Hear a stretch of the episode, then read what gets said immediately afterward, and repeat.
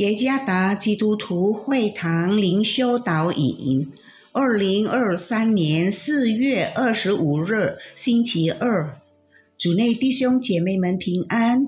今天的灵修导引，我们要借着圣经罗马书十二章第六到第八节来思想今天的主题：善用恩赐，与日俱进。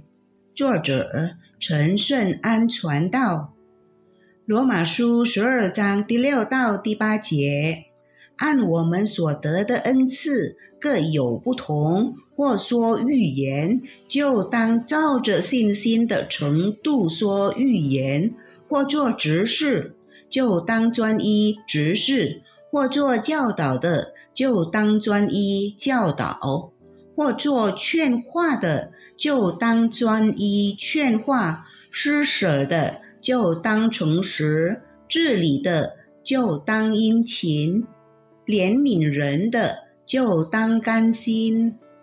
有这样的一个调侃基督徒的话，让我们不要做一位来到教堂，坐在椅子，低头静默，后会有期的基督徒。这句话是讽刺有些信徒只是来参加聚会，没有什么贡献。其实每位信徒必定有神所赐的恩赐，大家都可参与服侍，无论是前台大家看得见，还是幕后大家看不见的服侍。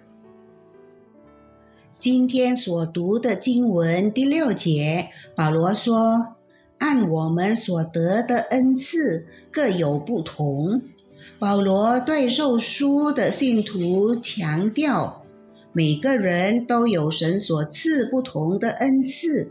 这些不同的恩赐的目的，是让作为基督肢体的信徒能彼此帮助。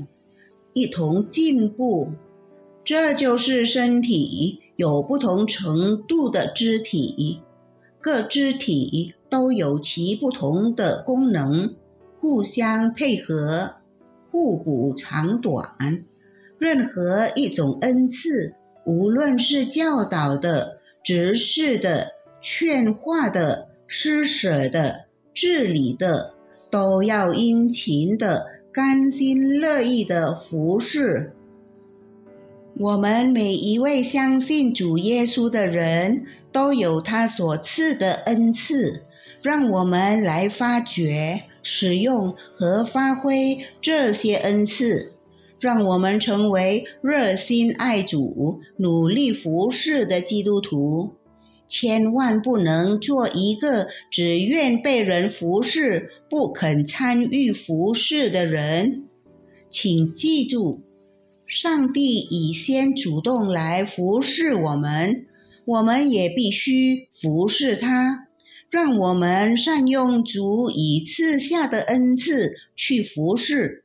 如果上帝没有赐下有关的恩赐，他不会勉强我们在那个岗位上服侍，发掘、使用并发挥你的恩赐来服侍神吧。主耶稣赐福。